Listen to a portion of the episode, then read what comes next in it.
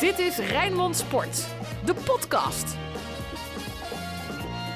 Goeiedag en leuk dat je luistert naar de podcast Feyenoord. Even een half uurtje, een klein half uurtje lullen met Sinclair Bisschop en met Ruud van Osmannen. Goeiedag Feyenoord, de play-offs in. Vierde plek, niet meer haalbaar.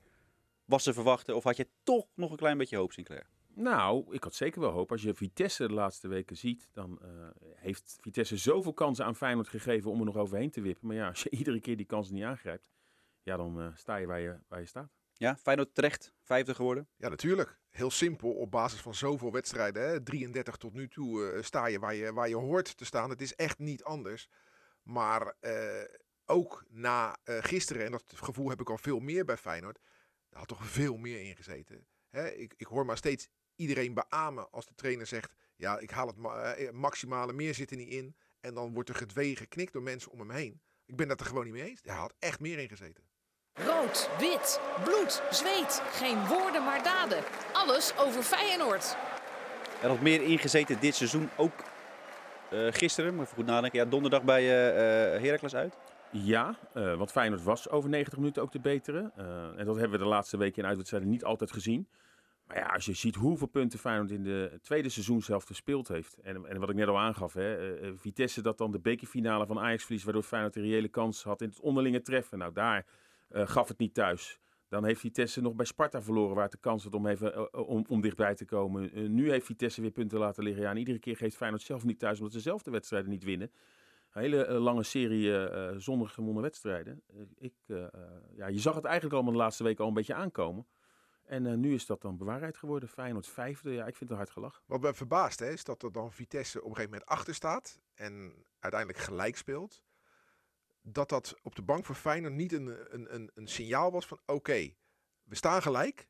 We gaan nu 100.000 procent voor de winst. Nou, wacht even. Daar hebben we Eukon Kutsu over. Laten we even luisteren. Maar uh, in de wedstrijd hadden we zelf niet door dat, uh, dat Vitesse, uh, Fortuna Vitesse gunstig was van ons. Maar ja, als je achteraf kijkt, wat natuurlijk niet goed is, dan is het wel echt zuur deze, deze gelijkspot. Ja, is, het, is het dan niet raar dat jullie dat in de slotfase niet weten dat je misschien alles of niets gaat spelen? Want dan was er dus nog een kans geweest. Ja, we gingen sowieso voor de wedstrijd uit van onszelf. We moeten zelf twee keer winnen. En dan kunnen we uh, na de wedstrijd kijken hoe de andere teams het gedaan hebben. Maar uh, ja, zoals ik zeg, nou, als je hier gelijk speelt, dan uh, is het eigenlijk al over. Ja, dit is toch bizar? Ik vind het ook bizar. Dus in het veld wist niemand van Feyenoord dat, er, dat Vitesse dus niet op winst stond. Want als ze dat wel zouden weten en je doet Bottegje mee naar voren en desnoods in de laatste seconde Bijlo mee naar voren en dan kan je, dan, verliezen, dan ja. kan je hem verliezen, maar dat maakt toch niet uit. Je bent toch al vijfde.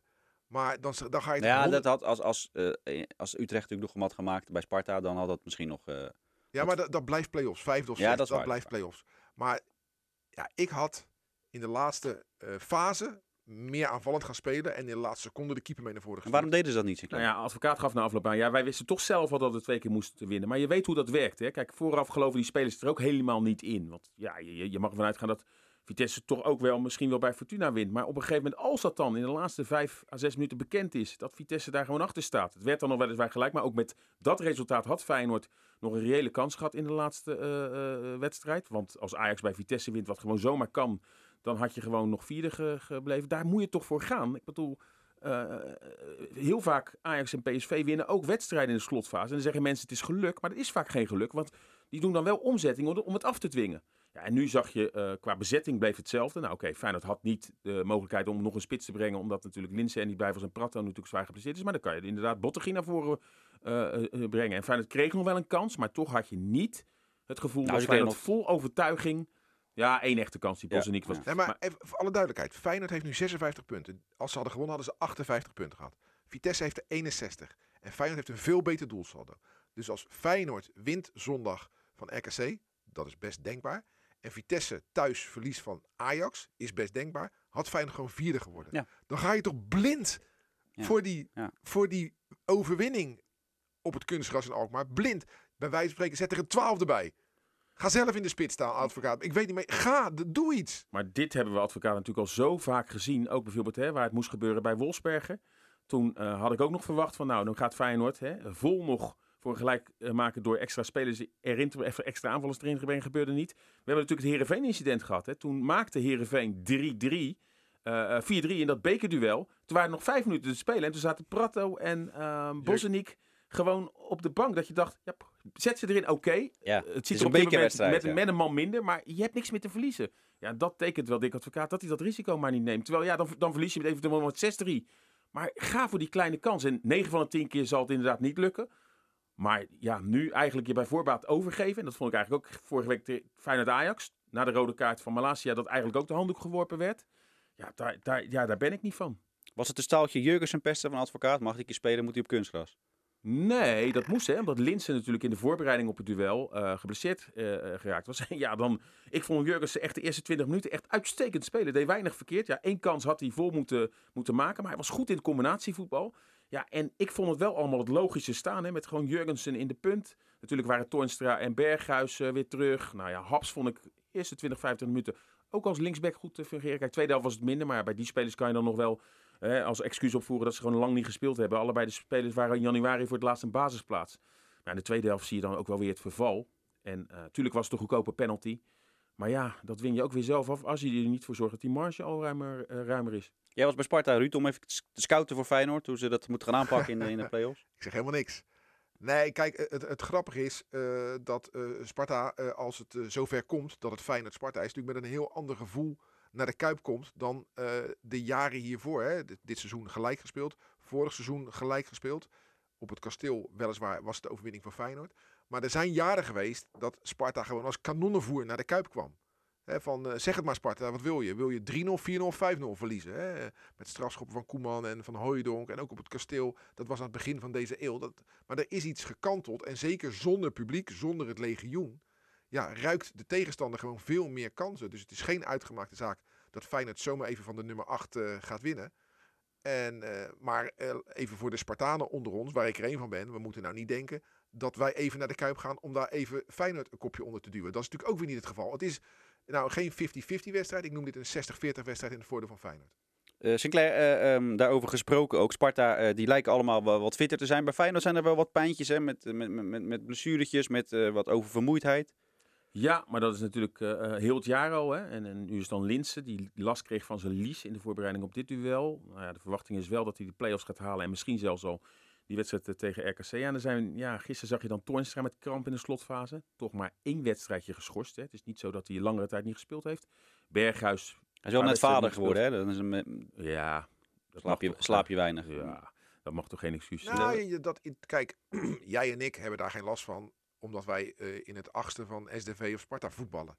Maar als je, op, hè, we- je, je zei het ook vanochtend op de radio, het gaat om procenten. En als Toornstra 1% minder is, dan kan die kramp krijgen. Terwijl hij Nee, het altijd ja. moet hebben van zijn omdat, kracht. hij, ja. omdat hij minder slaapt. Hè? Even Ja. voor duid- duidelijkheid. Hè? Als je vader bent geworden, slaap je minder. En dat heeft invloed op je gestel. En op ons gestel een stuk minder, omdat wij veel lagere prestatiecurve hebben. Maar als je in de top traint en speelt, ieder procentje minder is, heeft zijn effect hoor. Ja, wat wil je zeggen? Nou, er zijn nog, nog, nog wat spelers. Hè. Kijk, kijk, kijk Jurgensen kan je natuurlijk niet verwachten dat hij ook zondag gelijk weer gaat spelen. En dan volgende week. Dus daar moet denk ik wel heel goed naar worden gekeken. En dan hoop ik wel dat natuurlijk advocaat wel luistert eh, naar wat er om hem heen gezegd wordt. Want als je dat niet doet, dan gaan er misschien wel spelers in het rood aanlopen tegen RKC. Dus misschien moet je wel met een, eh, een aangepast elftal. Aan de Ja. andere kant kan ik me ook voorstellen. Feyenoord natuurlijk lang geen wedstrijd weer gewonnen. Hè? Met Den Haag niet gewonnen, Ajax niet gewonnen, Heracles niet gewonnen. Wil aan de andere kant ook wel met een heerlijk of met een lekker gevoel richting die play-offs voor het vertrouwen weer wat op te krikken. Dus dat is een dilemma eh, waar advocaten eh, de goede afweging moet maken. Dat je en spelers wel zodanig moet beschermen dat ze niet in het rood lopen. Maar aan de andere kant moet je ook niet met 0-2 van RKC verliezen. Want dat maakt het, eh, maakt het natuurlijk het zelf, qua zelfvertrouwen ook niet. eh, Nee, en op. RKC speelt nog ergens voor. Ze zijn Ja, wel ze van, zijn van, van. RKC, Willem II en Emmen zijn ze wel de favoriet. Mhm. Nou, doelsaldo hè, Om, zijn ze eh, eigenlijk. om eh, de, de play-offs, om Als ik, eh, te ontlopen. Als ik Fred Grim en de spelers zag, die zijn er hoor. Die, eh, die waren al een heel met 10-0 verlies of zo, hè? Of 9-0. Ja. Nou, ja, ligt eraan hoeveel de ander wint natuurlijk ook. Hè. Dus, Ja, als dus- Feyenoord met 6-0 wint, ja, als, dan gaat het hard met je precies, doelsaldo precies natuurlijk. daarom. En als die ander dus, dus Moet ze alle- zijn er nog niet helemaal, dus ze hebben nog wel iets om voor te spelen. Dus Feyenoord kan ook niet zeggen, joh, hè, we zetten Feyenoord 3 op het veld, zodat we de rest fit houden. Dat kan natuurlijk ook niet. Hebben ze niet eens, toch? Zoveel Nou, wisselingen hebben ze ook Ik, niet. ik dus- noem maar wat, maar, maar ja, het- Nee, ik snap wat je bedoelt. Goed dat, eh, dat Bijlo fit is. Ja. Ja. Echt hè, hey, de twee beste keepers van Nederland spelen gewoon in Rotterdam. Bijlo Okoye. en Okoye. Je ook eh, prima. Ja, eh, Twee jonge, prachtige mannen die eh, fantastische talenten zijn. En eh, die moeten we koesteren bij beide clubs. Ja, ja straks als deze, deze podcast nemen we ietsje eerder op. Maar eh, om 12 uur wordt de selectie bekendgemaakt hè, voor het EK. De voorselectie. Nou, daar zou Bijlo misschien wel in zitten. Maar ja, voor het EK, eh, ja, daar liet eigenlijk Frank de Boer al doorschemeren niet. Hè. En misschien ga- is het ook wel... Laat hem nu misschien maar dat EK voor Jong Jong Oranje Oranje. spelen. En dan na Ja. deze cyclus richting het WK het vind ik dat hij er wel toch bij moet. Ja, denk je? Nou ja, dan is, eh, zou ga je dan nog steeds volgend jaar, als je richting een WK gaat, door... Oh, sorry, richting het WK. Nee, ik dacht dat je richting het, eh, dat de je, Stekelenburg dat je hem en- daarna nog bij het EK wilde halen. Nee, nee, nee, nee. nee.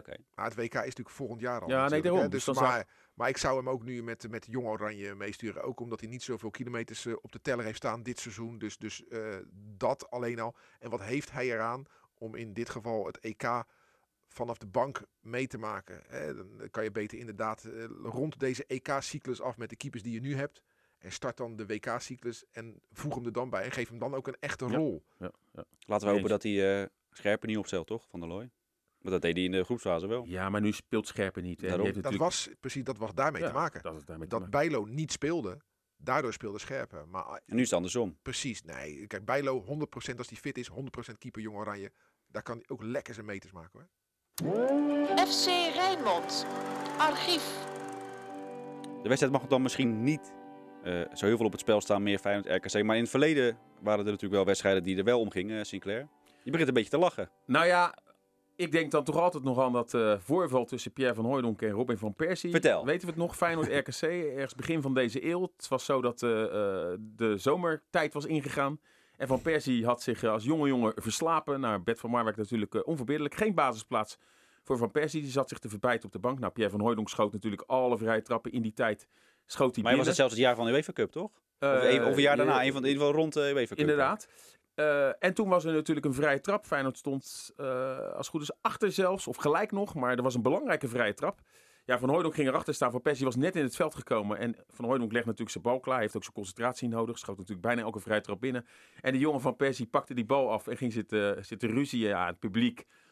Ja, die ging daarin op. En heel veel kozen natuurlijk wel de kant voor Van Hooydonk. Sommigen voor Van Persie. En uiteindelijk mag, nam ik, Van... mag ik het dan iets wat van Persie verdedigen? De bal lag beter voor een linksbenige speler. Ja, maar ja, als de grote meester hem altijd al binnenschoot, dat was natuurlijk Pierre van Hooydonk. Plus het feit dat ja, je mag ook wel een beetje in de spiegel kijken. Zo wordt er dan geredeneerd door de ouderen, door de trainer en door op het moment dat je al te laat bent en dan ook nog eens de bal afpakt zonder overleg. Hij lag inderdaad beter, hij nam hem ook. Ja, dan wel Ja, hij goed ook, hè? Net, Ja. net naast de kruising. Ja, die bal had voor het verhaal binnen moeten, moeten gaan. Maar ja, dat, dat blijft wel een mooi moment bij een Feyenoord RKC. En- Die wedstrijd is overigens niet Ja, gewonnen, maar het was wel een eh, ja, mooi moment bij Feyenoord RKC. En het dingetje van Persie van Hooijdonk Ja, is tot op de dag van vandaag gekomen. Ja. is dat blijven leven. Hè? Hij, hij, hij blijft maar kritisch naar, eh, hij bleef maar kritisch naar Van Persie als analist hè, van Hooijdonk. eh, tot Ja. op de laatste dag. Toen op het WK 2014, toen was eh, Van Persie dat een keertje zat. En toen voor de camera's van Ja. de NOS liep hij leeg. Pierre moet lekker gaan golven, zei hij toen. Ja. Eh, Ruud, eh, Feyenoord RKC? Zaterdag 18 februari 2012. Weet je het nog? Ik zeker.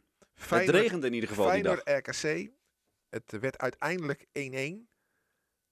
Het was helaas het afscheid van de carrière die in de upwaartse eh, beweging zat van John Guidetti. De- Carrière ook, ja. ja, het was de koning van Rotterdam-Zuid. Had drie keer gescoord tegen Ajax, tegen PSV goed gedaan. Het ging goed, goed, beter, beter. Feyenoord eindigde dat seizoen als tweede. Maar in die wedstrijd krijgt Guidetti eh, na eh, een uur spelen een gele kaart.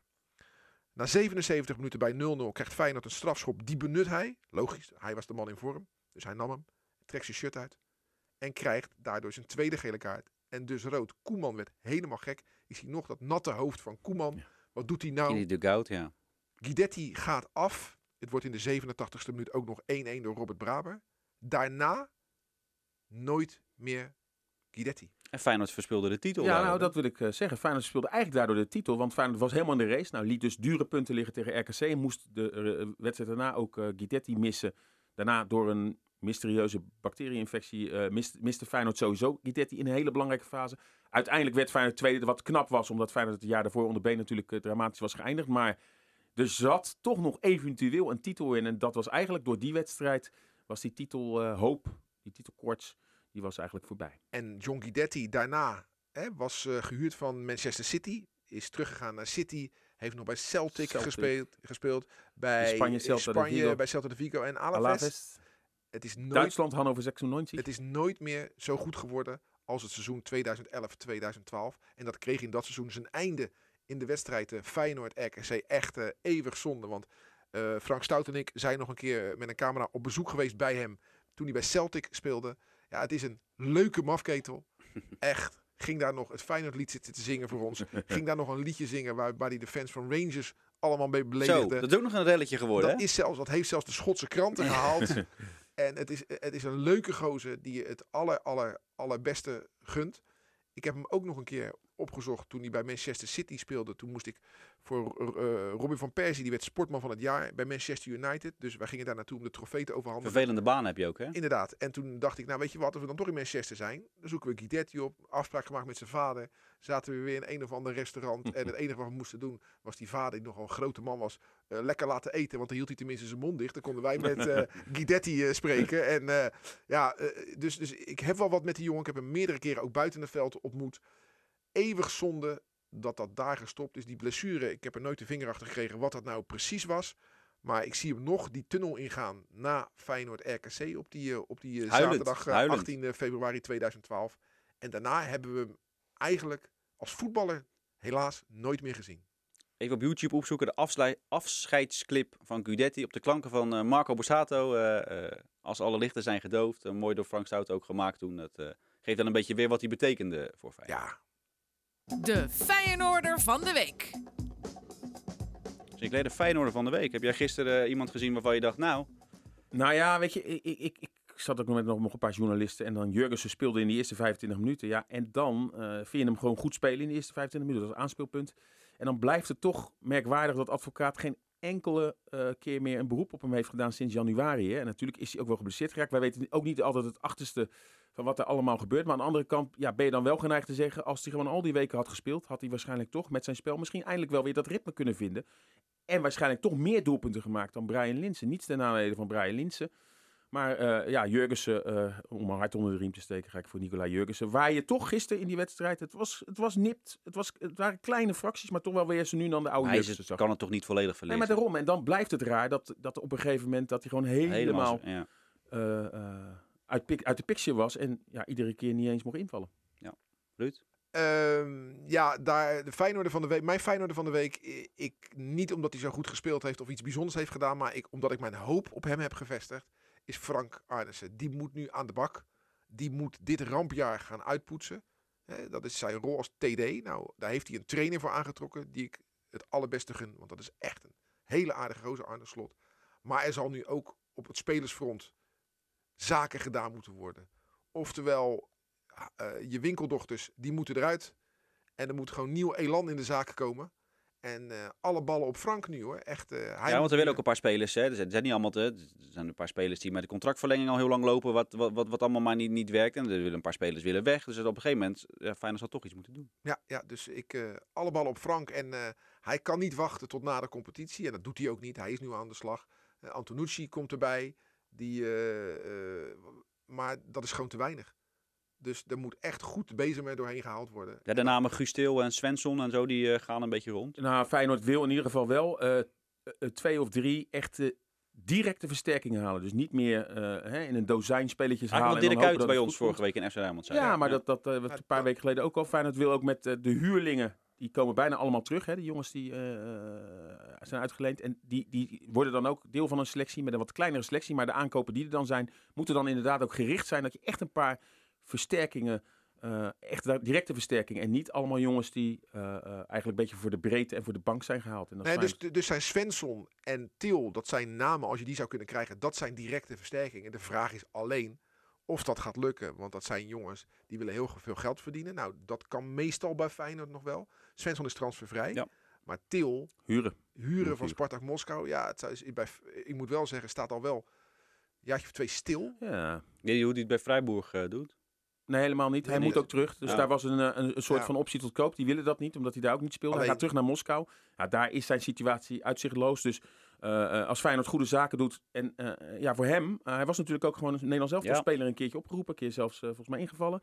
Dus wat dat betreft zou het voor hem goed zijn als hij zich in de Nederlandse competitie weer terugvecht. Want Ja, weet je, zo'n zo'n aanbod hè, van Spartak Moskou. Je gaat wonen in een wereldstad, wel een grauwe wereldstad. Wij zijn er geweest, Sinclair en ik. Maar zo'n jongen alleen, ik heb de documentaire gezien op, eh, op ESPN over hem daar alleen. Die jongen was blij dat er een cameraman kwam. Ja. Was bijna zijn beste vriend. Waarom? Omdat hij gewoon, hij had behoefte aan gezelschap. Ja, zo'n zo'n jongen daar in zijn eentje, iets wat studenticoze jongen, die, die, die redt het gewoon niet alleen. Ik moet daar niet aan denken, dan kan je nog zoveel verdienen. Maar alleen daar in Moskou, nee, die jongen moet gewoon lekker hier rijpen. En dan naar een stad gaan waarbij het aan te vliegen is voor wat betreft Nederland of aan te rijden. Eh, en, eh, hij heeft gewoon een verkeerde keuze gemaakt. Niet voor zijn bankrekening, maar sportief wel. Laten we hopen dat, dat hij naar Feyenoord komt, want het is een goede voetballer. En daar de liefde voor het spel weer eh, kan vinden. Sinclair, Ruud, dankjewel. We gaan het weer allemaal volgen. Zondag Feyenoord, RKC en ook Heerenveen Sparta natuurlijk. Tegelijk de laatste speelronde. En we gaan nog eventjes door volgende week, want dan is de, zijn de play-offs. Sinclair, dankjewel. Ruud, dankjewel. En half drie uiteraard live te volgen op Radio Rijnmond. En tot de volgende podcast. Dit was Rijnmond Sport, de podcast. Meer sportnieuws op Rijnmond.nl en de Rijnmond app.